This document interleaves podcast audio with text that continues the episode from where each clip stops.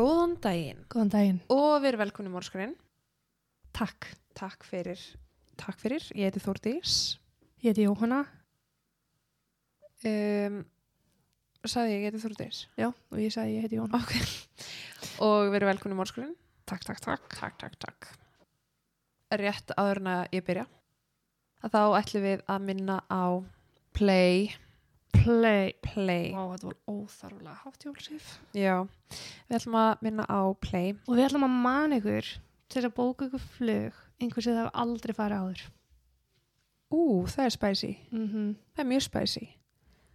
Ég ætlaði reyndar ekki að gera það. Ég ætlaði að fara að tala um hérna Fuerte Ventura eða Tenerife. Ég, hef aldrei farið til Vortaventura. Reyndar ekki heldur, mér langar ekki eðla mikið að fara. Og sem leiðis, ekki bara það heldur, ég ætla líka bara að hvetja ykkur til þess að byrja að plana sumarið. Byrja að plana páskana, Tenerife um páskana. Gucci. Það ég er að- verða á tenni um páskana. Akkurat. Eins bara með sumarið. Að bóka eitthvað bara ferð og hafa eitthvað til að hlakka til.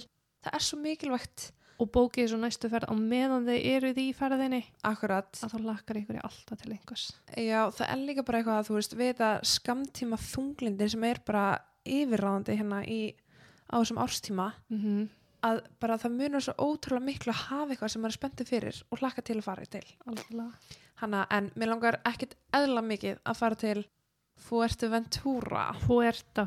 Fuerteventura. Fuerteventura. Ég er sko búin að vera að skoða bara myndir af þessu og láta mig dreyma. Já, mér langar bara eitthvað það sem ég getur ekki bjór í sól.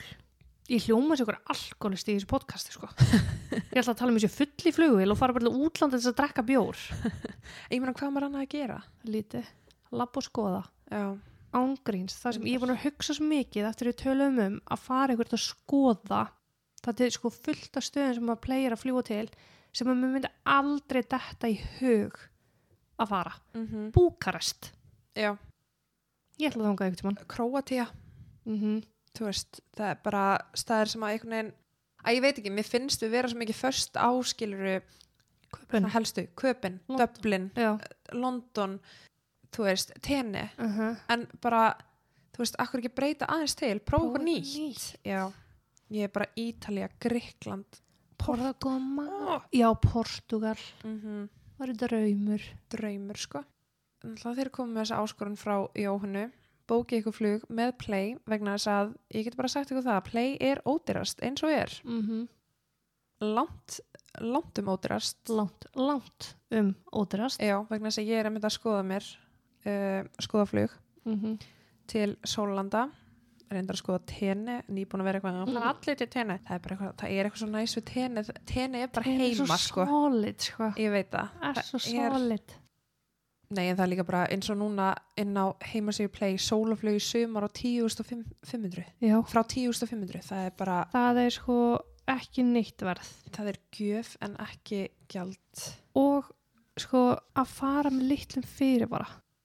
Það eru hræ ódýr flug hjá Play. Já, ég ætla líka að segja frá því að þið getið farið inn á flyplay.is.com og sérst að þið skrollið hans niður að þá getið þið fundið sérst svona, ég myndi segja þetta væri bloggfærsla og þar er til dæmis afþreyingi Evrópu eða afþreyingi Bandaríkjunum.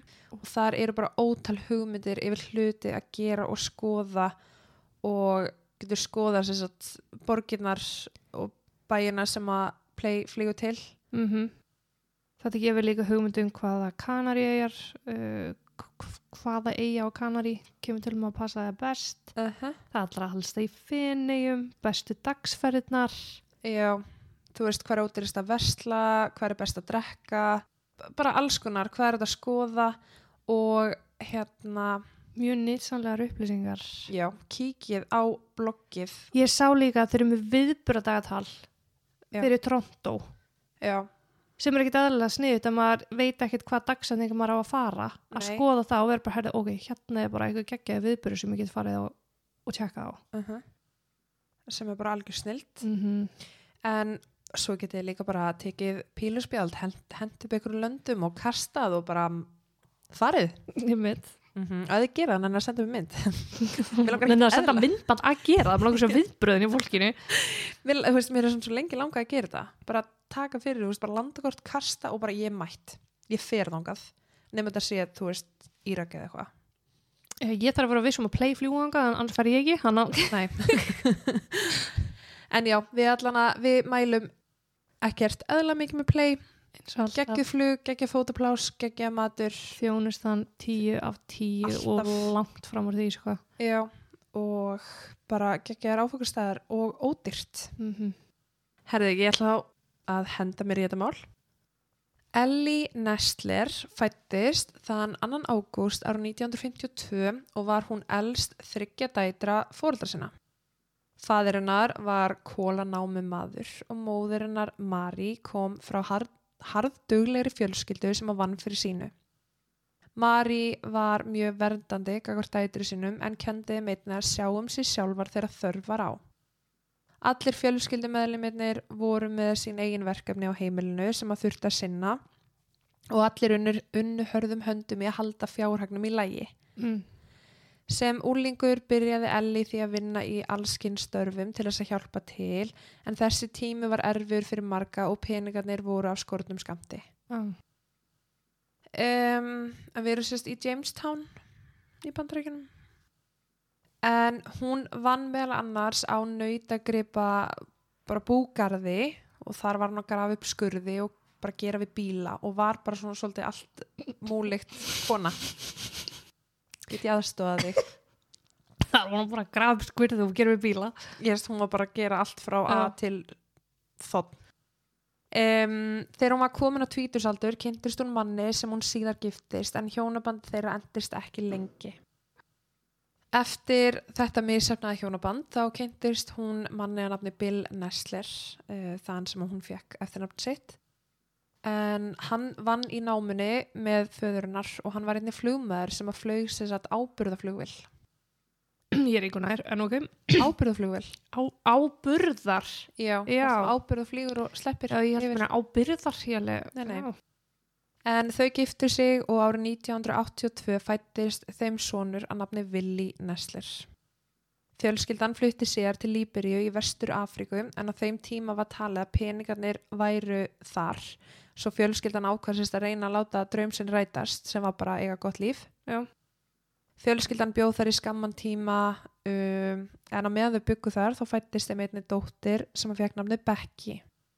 En sem stuttu eftir hennar fæðingu þá braust út borgarstyrjöld í landinu og Ellie flutti með börnin burt til að veita um öryggi og skjól en Bill varð eftir í vestur Afríku. En það var þá sem Ellie kom sér fyrir í Jamestown þar sem hún hafði, hún var frá. Já. Heima fyrir voru hlutir mjög erfir fjáraslega. Ellie reytti alfarið á aðstóðu frá ríkinu og vann þegar hún gat en hún var eina sjá um tvö ung börn. Þegar átt fyrir að hlutir veru erfir þá var hún með fjölskylduna sína nálagt og hún var einnig með stuðningshóp í kirkjunni sem hún heikaði ekki við að þykja aðstóð frá. En hún ólst sérst upp á kristnu heimili og kirkjana var því stór partur af lífi hennar og fjölskyldunar.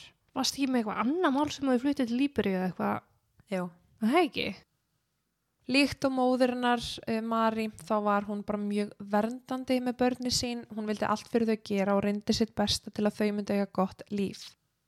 Willi mátti til dæmis ekki fara heim til vina sinna og gista með þeim en það vildi hún bara að börnin væru alltaf heima hjá sér. Já. Sumar 1988 var kirkjan að undibúa sagt, svona árlegar sveppbúðir fyrir börnin og Willi sem var þá sex ára grátbað mömmu sinna um að leifa sér að fara og vera með. Mm. Þá sést þetta bara svona semi eins og sumabúðir þar sem að börnin fara kannski, úst, þetta er bara eins og ég ætla að segja reykjadalur en þetta er bara svo reykir eða eitthvað. Ok. Já. Í fyrstu neyta hún því, hún vildi, eins og segi, venda börnir sín og máli var sem sagt að þegar hún var yngri þá hafði hún verið misnótið á svipum aldri og villi. En þegar hún sagði móður sinni frá því þá tók móðurinnar þau, á þau ráð að elda mannin uppi með haglabissu og sagði við hana ef hann myndi ekki drulla sér út í bænum þá myndi hann enda í kistunni Mm sem hann gerði. Ó. Nei, nei, hann Nei, endaði ok. ekki í kistunni, hann fór. Já, ok. Ó. Þegar sveppbúðurnar nálgust þá var Willi bara stöðu þegar grátbyggðum að fá að fara.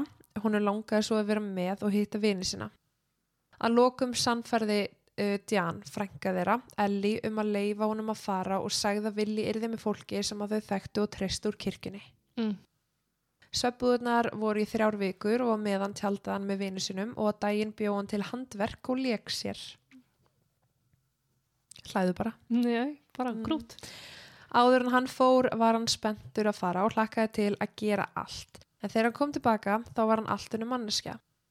Nú var hann orðin reyður, uh, hann var leiður og honum leið bara augljóslega ekki vel. Mm. Allir fjölskyldumeðlimir hans reyndi að tala við hann en Willi sagði þeim bara láta sig í friði og að hætta að koma fram við hann eins og hann væri barn. Hann var hvað gammal? Sex ára. Jöps. Ellie talaði við sýstu sína um þetta uh, sem að taldi að hann væri reyður vegna þess að honum skorti sérst Karlkins fyrirmyndi lífið þar sem að pappa hans var ju öðru landi og ekki til staðar en þau höfðu sérst hægt alfari samskiptu við hvort annað á þess tíma og Ellie var bara svona svolítið að vonast til þess að þetta væri bara tímabil og að allt myndi breytast þegar Willi færi aftur í skólan eftir sömarið. Skildu fóreldrarnir. Já, þau Já, hægt, þú ok. veist, já. Þegar Willi byrjaði svo í skólanum þá eru hlutir ekki betri. Ef eitthvað var þá versnuðu þeir og hann byrjaði að draga sig bara alfarið út úr félagslífinu. Hann var bara orðin mjög reitt barn og átti það til í að lenda bara í slagsmálum við aðra nefndur og svona gekk þetta bara svona næsta árið. Móður hans vissi raun ekkert hvað hann ætti að gera þannig að hún ákastist bara að leita í kirkjuna. En í kirkjunni var sagt, uh, maður að nafni Daniel Driver sem var 35 ára gammal. Hann gekk sérst í sömu kirkju og þau. En móðir Daniels, hún bjóð svæðinu og hann hafði nýlega flutt aftur heim til að vera nær móður sinni. Þess að segja, hann var virkur meðlumur kirkjunar og bauð oft fram aðstóð sína þar. En hann sérst vann í sumabúðunum í uppvaskinu og börnin í kirkjunni bara elskuðu Daniel vegna þess að hann sérst lagði sig bara allan fram í að hjálpa til við allt og spjallaði mikið við þau. Margir ungu drengjana litu upp til hans sem nokkur skona föður ímynd, sérstaklega skilnaða börnin sem Já. voru ekki með föður til staðar og mæðurnar voru bara heiminlifandi yfir hjálpans limandi. Heiminlifandi yfir hjálpans vegna þess að þeim fannst Daniel Daniel var bara góð fyrirmynd fyrir börnin. Mm. hann fekk líka strákana til þess að opna sig og tala um vandamál sín eitthvað sem að strákanir voru ekki að gera heima fyrir. Mjög gott. Já. Og Willi sem sagt, hann elskaði Daniel og eins og ég segi, hann náttúrulega bara leit líka á hann sem svona nokks konar föður ímynd Já. og hann vildi sagt, bara oft á tíðum eigða tíma með Daniel þrátt fyrir að væri ekki í kirkjunni. Hann bara dáðan. Mm en eftir sumabúðunar þá breytist eitthvað. Hann vildi ekki ræða Daniel nýja vera nálagt honum og hann var stöðut að rífast við sýsti svona og móður.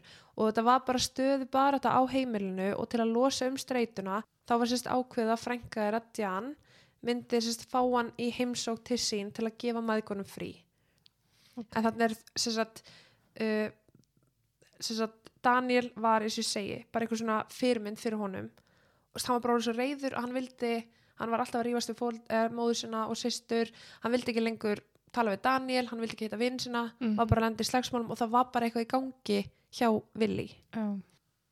þegar hann var í heimsókn hjá Jan um, að þá reyndi hún að tala við hann og fá hann til þess að segja sér hvað væri gangi og hvort það væri eitthvað sem hún sérst, gæti aðstofa með. En það var sérst, það bara, þetta gekk svona á í eitthvað tíma og Willi bara einhvern veginn, hann vildi bara ekki ræða neitt, hann var bara reyður Já. það var svo eina helgi sem að Willi var nokkur rólegri en venjulega. Og náði sérst bara svona svolítið að draga sér hlið frá öllu og honum leið bara svona svolítið eins og hann væri bara svona í pásu frá umheimnum einhvern veginn. Jan reyndi þá að fá út úr honum hvað væri, hvað væri ángran og fá hann til þess að opna sig og lokum sagðist Willi ætla að gera það ef hann lofaði að segja engu frá því ekki einu sinni móður sin- sinni eða móður hans.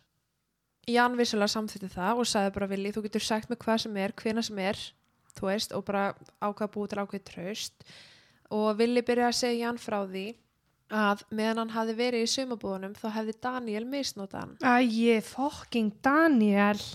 Sem sagt elskaði dýr og það var bara hans ástríða og í búðunum hafði Daniel alltaf að fara með honum að skoða froska og aðrar verur sem að byggju í skóginum Willi hafði því eld Daniel vin sinn og þegar þeir voru einir þá byrja hann að misnóta hann Á meðan á búðunum stóð allan þennan tíma þá var þetta í gangi. Daniel sagði honum að ef hann sagði einhverjum frá þessu þá myndi hann drepa alla fjölskyldun hans svo þegar að sagt, uh, Willi kemur heim að þá náttúrulega er skapans breytt en hann þóra ekki henni frá. Þegar Willi kemur svo heimur búðunum þá hættir þessi misnótkun ekki. Daniel var stöðut að eldan og hóttunum lífláti sem á fjölskyldans ef hann myndi voga sér að tala við ykkur og þetta hjælt svona áfram nokkra mánuði. Jan sagði Willi að hún vissi að hún hefði gefið honum lofvörð en að hún gæti bara ekki haldið þessu lindu, hún yrði að segja einhverju frá þessu. Hún sagði Ellie móður hans sem var augljóslega í sjokki og miklu uppnámi en hún ásakaði sjálfa sig fyrir að, að, fylg, fyrir að hafa ekki fyllt innsæðinu sínu og að halda sérst villi frá þessum búðum eins og hún hafi ætlað bara að Já. gera. Þegar þetta byrjaði svona að fréttast út þá kom í ljós að Daniel hafði sérst flúið bæinn uh, en þrátt fyrir það að þá fannst Willi samt eins og að Daniel myndi að lokum standa við hótanir sínar. Þannig að hann var skítrættur hrættur, ekki hrætturt Mm. og hann bara vanlíðan helt áfram að líða þú veist, það var ekkit það var ekkit búið að lagast þrátt fyrir að hann var ekki búin að koma þessu út Já. að þá var samt ennþá þessi hræðsla í gangi og líka náttúrulega bara áfallið og allt sem hann hafði, það sem hann hafði orðið fyrir það var mikið álag á hann þar sem hann var stöðugt með höfuverk og magaverki út af stressinu sem að fylgdi því hvað myndi gerast ef að Daniel myndi komast að því að hann hafi sagt frá Nesler fjölskyldan fór til lauruglunar og tilkynnti brotið og lauruglan skoðaði sakaferil Daniels og í ljós kom að hann hafði sögu um að misnota unga drengi. Árið 1984 var hann sakaður um að hafa fram í kynfyrirsbrot gegn fimm drengjum á San Jose svæðinu. En hann var handtekinn og í aðdraganda réttarhaldana skrifaði fólki sem að sótti kirkju með Daniel bref til dómarans um hver góður maður hann væri og dómaran ákveði kjölfara að sleppa honum á skilorði. Engin refsing. Er ekki allt í björtu eða? Ekki neitt. Það er allt dimtana, allt svart, ógislegt. Eftir þetta snýru Daniel aftur heim til að búa náld móður sinni og byrja að deyta konu sem átti ungan son en að meðan var hann að vinna sérst í kirkjubúðunum. Konan fór að taka eftir því að Daniel hegðaði sér öðruvísi við son hennar versus aðra unga drengi. Hún spurði son sinn hvort Daniel hefði eitt um hann snert hann á óveðandi hátt en hann neitaði því og það var svo nokkru mánum síðar sem hún gekk inn heima á sér og kom að Daniel sem var akkurat að reyna það. Ég ætti ekki, sko, Nei, ég, gæti ekki tekið ábyrð á gjörðum mínum. akkurat. Hún hendi honum út í kjölfarið og hringdi vin sinn sem að vann með saksóknara sem að sá sem sagt, síðan um að skoða bakgrunn Daniels og í ljós kom að hann hafði afplána fimm mánuða fangelsistóm árið 1983 fyrir barnanýð og bara misnótkun. Eftir að Ellie læði fram kæru á hendur honum fóru sérst, rannsakadur að taka við aðrar fjölskyldur sem að höfða á drengi sem voru samskiptum við Daniel og þetta var í raun bara til dæmis allir drenginir sem voru í sumabúðunum og þetta er því líka rannsókn, tala fyrst við fóreldra fá leifi til að tala við börnin og spurja börnin án þess þó að vera með leiðandi spurningar. Já. þú veist, þannig að þú fattur hvað ég meina? Mm Hvernig ertu ekki með leiðandi spurningar að spurja badd hvort það hefur verið, akkurat, þú veist, þetta er erfið. já, þú veist, þetta er svo erfitt. Já. en sagan var sagt alltaf svo sama um, hann hafði vissulega misnotað fleiri drengi í kirkjunni og í flestu tilfellum var um að ræða uh, stráka sem að áttu sérst einstæðar mæður Mæður rétt, já, já. mæður bara einstæðar. Vá, það hljóma eitthvað sástulega en þeir voru sérst ekki með neina föður ímynd Já. Hann notaði aðstöðu sín í kirkjunni til þess að fullvisa alla um hann væri góðum maður og hann einbytti sér á ungu drengjunum og gaf þeim gjafir og aðtikli og eftir að hafa misnotað þá, þá hótaði hann þeim á fjölskyldu þeirra lífláti að þau myndir segja frá og við erum sko að tala um sex ára börn. Árið 1989 var lögð fram ákjara á hendur Daniel fyrir að misnota fjóra drengi á þessu svæði. Daniel var horfinn og enginn vissi hvað hann var og vilji var sérst brenna jafna sig Uh, hann lendi í mörgur slagsmálum, hann þurfti þrís og sinnum að skipta um skóla, sögum hegðun og vandamála, af því Mm. hann var bara ekki ná að takast á við þetta. Nei. Árið Það er 19 eitthvað sem ekkert batna áttur að takast á við. Eh, Nei, og sko þetta er árið 1989 fjórum árum síðar er Daniel gripinn fjórum árum, Já. hvað ertu búin að gera í þessu fjór ár uh, hann er gripinn við búðarnöfl í Palo Alto í Kaliforníu og í kjölfari er, hann játaði þessi segan um þjófnaðin og var síðar meir framseldur til að svara til saka fyrir þessa misnótkun Mm mm. það er ákjörur þrátt fyrir að lauruglan væri búin að handsama Daniel þá hætti óttin ekkert hjá Willi Willi er náttúrulega bara sexara og skilur Mhm. náttúrulega ekkert hvernig réttakjöri virkar og hann hugsa bara allan tíman hann er að fara að drepa fjölskyldunum mína Hann er alltaf um tíu ára eða hvað þetta er. já, Já. Og samt alltaf með sömur aðeinslu. já, já, já.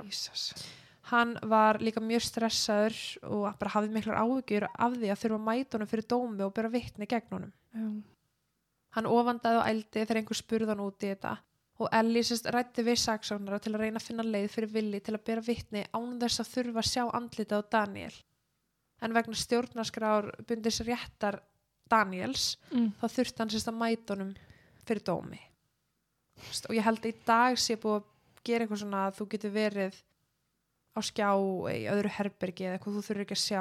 Er það, já, já allan að gerandi sér færðir út úr herbygginu eða eitthvað dómsalnum skilur við. Já, en ha- hann alltaf á rétt að því að vera þarna til að heyra hvað er verið að segja, sko.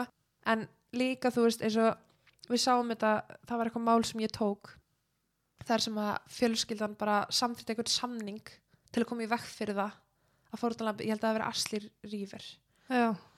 það að svona þurfi ekki að bera vitni gegn honum Já, já, þá þau bara eitthvað samning. Já, jú, Já. Þannig að þú veist, en þetta er samt bara eitthvað að þú þarf, að vera að setja bandana í að- þessa stöðu, það er ekki hægt, sko. Nei. En það er sem sagt að tala um að í sumum tilfellum er hægt að nota svona skjávarpa til þess að bera vitni úr öðru herbergi þannig að þú þurfur ekki að sjá neitt. Mm En þessi tiltegna sísla uh, hafði ekki fjármagni að fjár, fjárfesta í slíkri græju og því þurfti vilja að mæta honum fyrir rétti á samt öllum hinum strákunum. Jesus. Réttarhöldi við Daniel stóðu yfir og villi á samt hinum drengjunum átt að bera vitni sérst þann annan april árið 1993. En á þessum tíma var Willi 11 ára gamall og hann var einn af þeim síðustu til þess að gefa sérst sinn vitnisburð. Mm. Þegar fjölskyldan stegi út úr bílinum og fyrir utan réttarsalinn þá vildi hann ekki fara inn, hann byrjaði bara ofanda og kasta upp. En Ellie fullverði hann um að hann gæti þetta og Daniel myndi fara í fangelsi og aldrei meiða hann í nokkurn mann aftur. Please að hún hafa haft rétt fyrir sér. Ellie, Willi og Jan byðu fyrir utan eftir að vera kölluð inn til þess að bera vitni. Á meðan byðu var kom sagt, bara bíla við um lögurklunar og Daniel var fluttur inn í dómsalinn í járnum. Um leið og Willi heyrði að Daniel væri arna þá leiði honum ítla. Ellie greipir í ruslatinu sem var nálægt henni og meðan Willi eldi í ruslið þá náði Ellie auksambandi við Daniel á meðan hann gekk inn í salin. En hann brosti til hennar eins og hann hafði enga yðurinn fyrir því sem hann hafði gert. Á meðan þau byðu fyrir utan þá yfirgaf fyrirhandi kærasta Daniels réttarsalinn á samt sinni sínum sem að hafði verið að bera vitni. Þessi fyrirhandi kærasta sagði við Elli að réttarhöldin væru ekki að ganga vel. Allir strákarnir voru svo tauga óstyrkir og að verjandi Daniels hafi notað það, þann veikleika til að styrkja mál Daniels. Að þeir hafa verið, Svo tauga óstyrk, óstyrkja að þeir sem sagt bara voru, hljóta bara hafa verið að ljúa. já, það er ekki hægt að taka frambyrð þeirra alvarlega. Fá eiga tvö orð við þannig lögum takk. uh, nokkur fleiri, nokkur fleiri það Ellie varð örvendingu full og var vissum að Daniel myndi bara komast upp með þetta og það leiti allt út fyrir það hún vissi að ef hann fær ekki í fangelsi þá myndi vilji aldrei verða örugur ný og henni leiðir svo hann þurfti að gera eitthvað til að venda svon sinn og önnu börn Dómusið var mjög gamaldags og á þessum tíma voru, þú veist, það, það var ekki, það var ekki ekkert öryggi til staðar Nei. þetta er bara að sitja allir hérna fyrir utan þú veist, jú, kannski öryggisverður í húsinu og svo er bara dómsalurinn, skilur Mm -hmm. Það var sérst þannig að margar konur í þessu samfélagi þær báru vopp til að verja sig gegn aðkasti uh, og sérstaklega þær sem voru einstæðar. Og það var akkur það sem að Jan sýstir Elli gerði. Elli gekk að veskin hennar Jan og náði í byssun hennar. Sumar frásagnir segja að Elli hafi farið í veski hennar til að ná í lif fyrir villi, séð byssuna og ákveða takana á meðan aðri segja að hún hafi vitað byssunni og þessuna ákveða takana hvort heldur sem það er að þá tók hún byssuna, gekk inn í réttasalinn og skaut sex skotum uh, í, í Daniel. Fimm af þeim sem að hæfða hann í hnakkan og bara þá og þegar fóru bara allir að hlaupa í burtu. Lögreglumenn hlupu inn með byssur á lofti og Jan stökk fyrir sýstu sína og sagði þeim að skjóta hana ekki. Mm. Ellie let byssuna falla í gólfið, setti hendunar upp og kraup og Daniel var látin. Sagan af mömmunni sem að þjónaði réttlæti fyrir són sinn breyttist út um allt og vakti bara mjög mikla aðtigli. Innan við viku frá morðinu var bara mikil umfjöllun um bæin og Ellie varð bara nokkuð skonar þjóðhetja og bæjarbúar stutti við henni. Tveir bankar á svæðinu settu upp söfnunarsjóð þar sem að fólk gæti gefið pening sem að myndi renna óskiptur til hennar.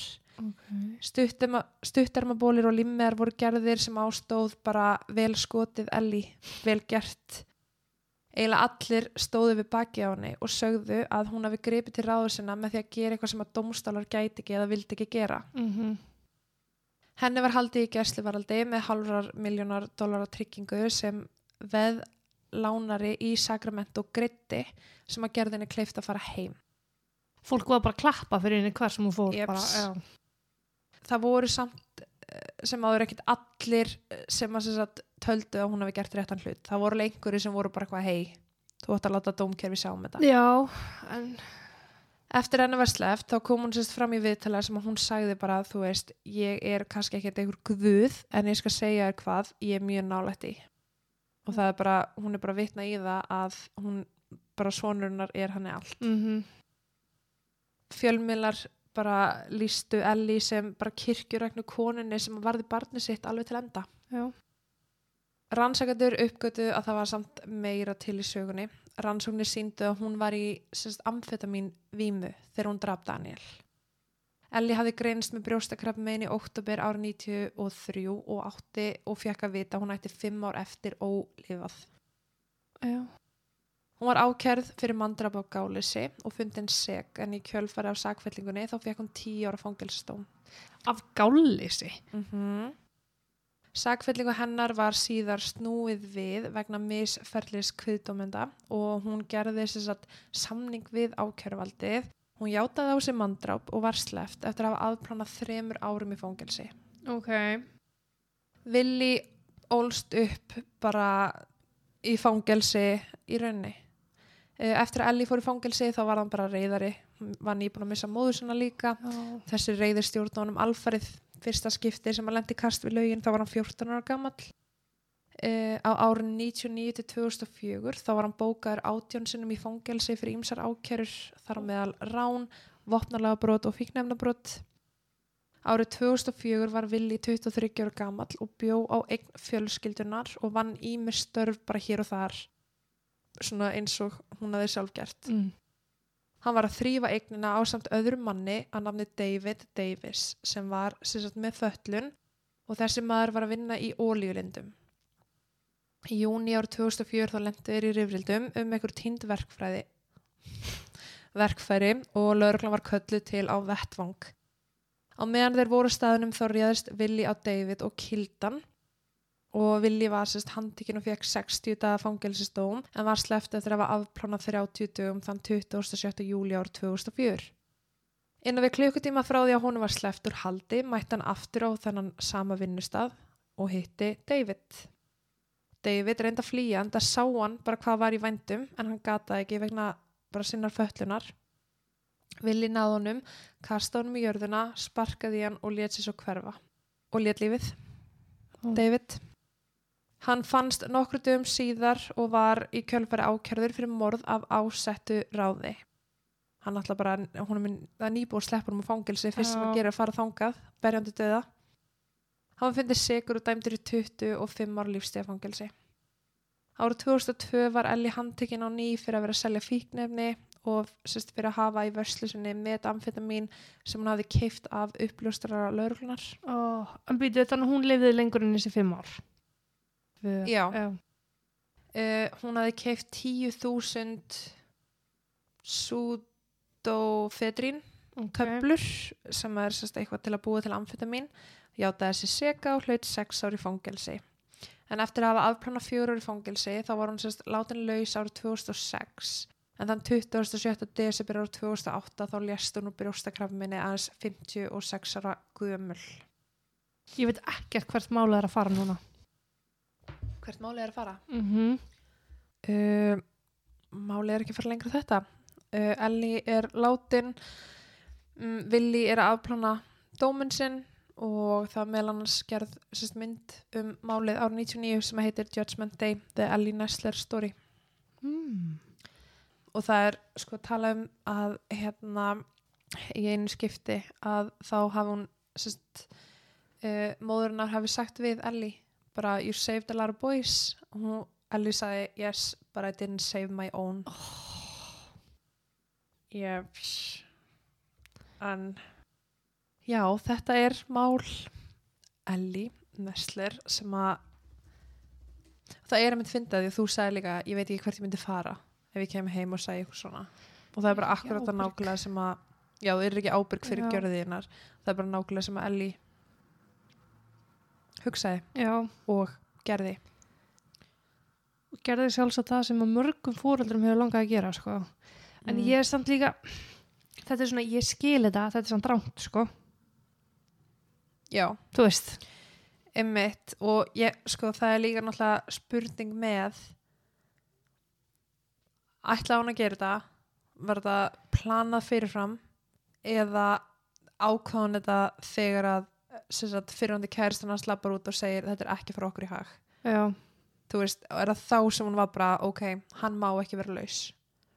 En hún var sérst tilbúin til þess að taka á sig að fangelsis refsingu já. hún viss alveg að hún myndi verða ákjær fyrir morð Hann hlýtur að vera, sko. já, Sem er líka ofbúslega erfitt að því að þú veist, hún, vitandi það, að hún sé núna að fara að yfirgefa són sinn líka. mm Þú veist, þannig að hver hagnast á þessum gjörðum af því það var svo sannlega ekki vilji, sko. nei, En að að hann misti síðan móður sína Já þetta er, þetta er erfitt sko. En ég, hérna, ég get alveg skilið fóreldra að vilja framkoma þetta sko. Mm, já, í einhverju bræði. Það er líka, þú veist já, einmitt, var það tilviljun að hún segir þetta og þá tegir hún sig í töskun og allar sækir sér lið fyrir Willy eða var þetta fyrirfram planað? Viss hún að hún myndi trúlega komast upp með þetta ágætlega skilur þú veist Já. að hún væri með stuðning samfélagsins mm að hérna já, ég, já, ég hef búin að leita og reyna að finna eitthvað með Rebiku eða hanna Becky Becku, sem er dótturinnar mm með hvað eiginlega varð um hana. Og ég get ekki sagt það. Nei. Get ekki sagt þér neitt þetta er bara sorgarsaga frá að til auð mm þannig að þetta er bara já, já, veit ekki hvað varð um hana og döð vorkinni henni líka. Af því þetta er náttúrulega bara harmleikur sem að er 170% Daniel að kenna já. en já, ég allavega hef ekkert meira að vita bæða þannig Nei. að ég ætla það bara að segja takk í dag og takk bless og þar til næst Thank you.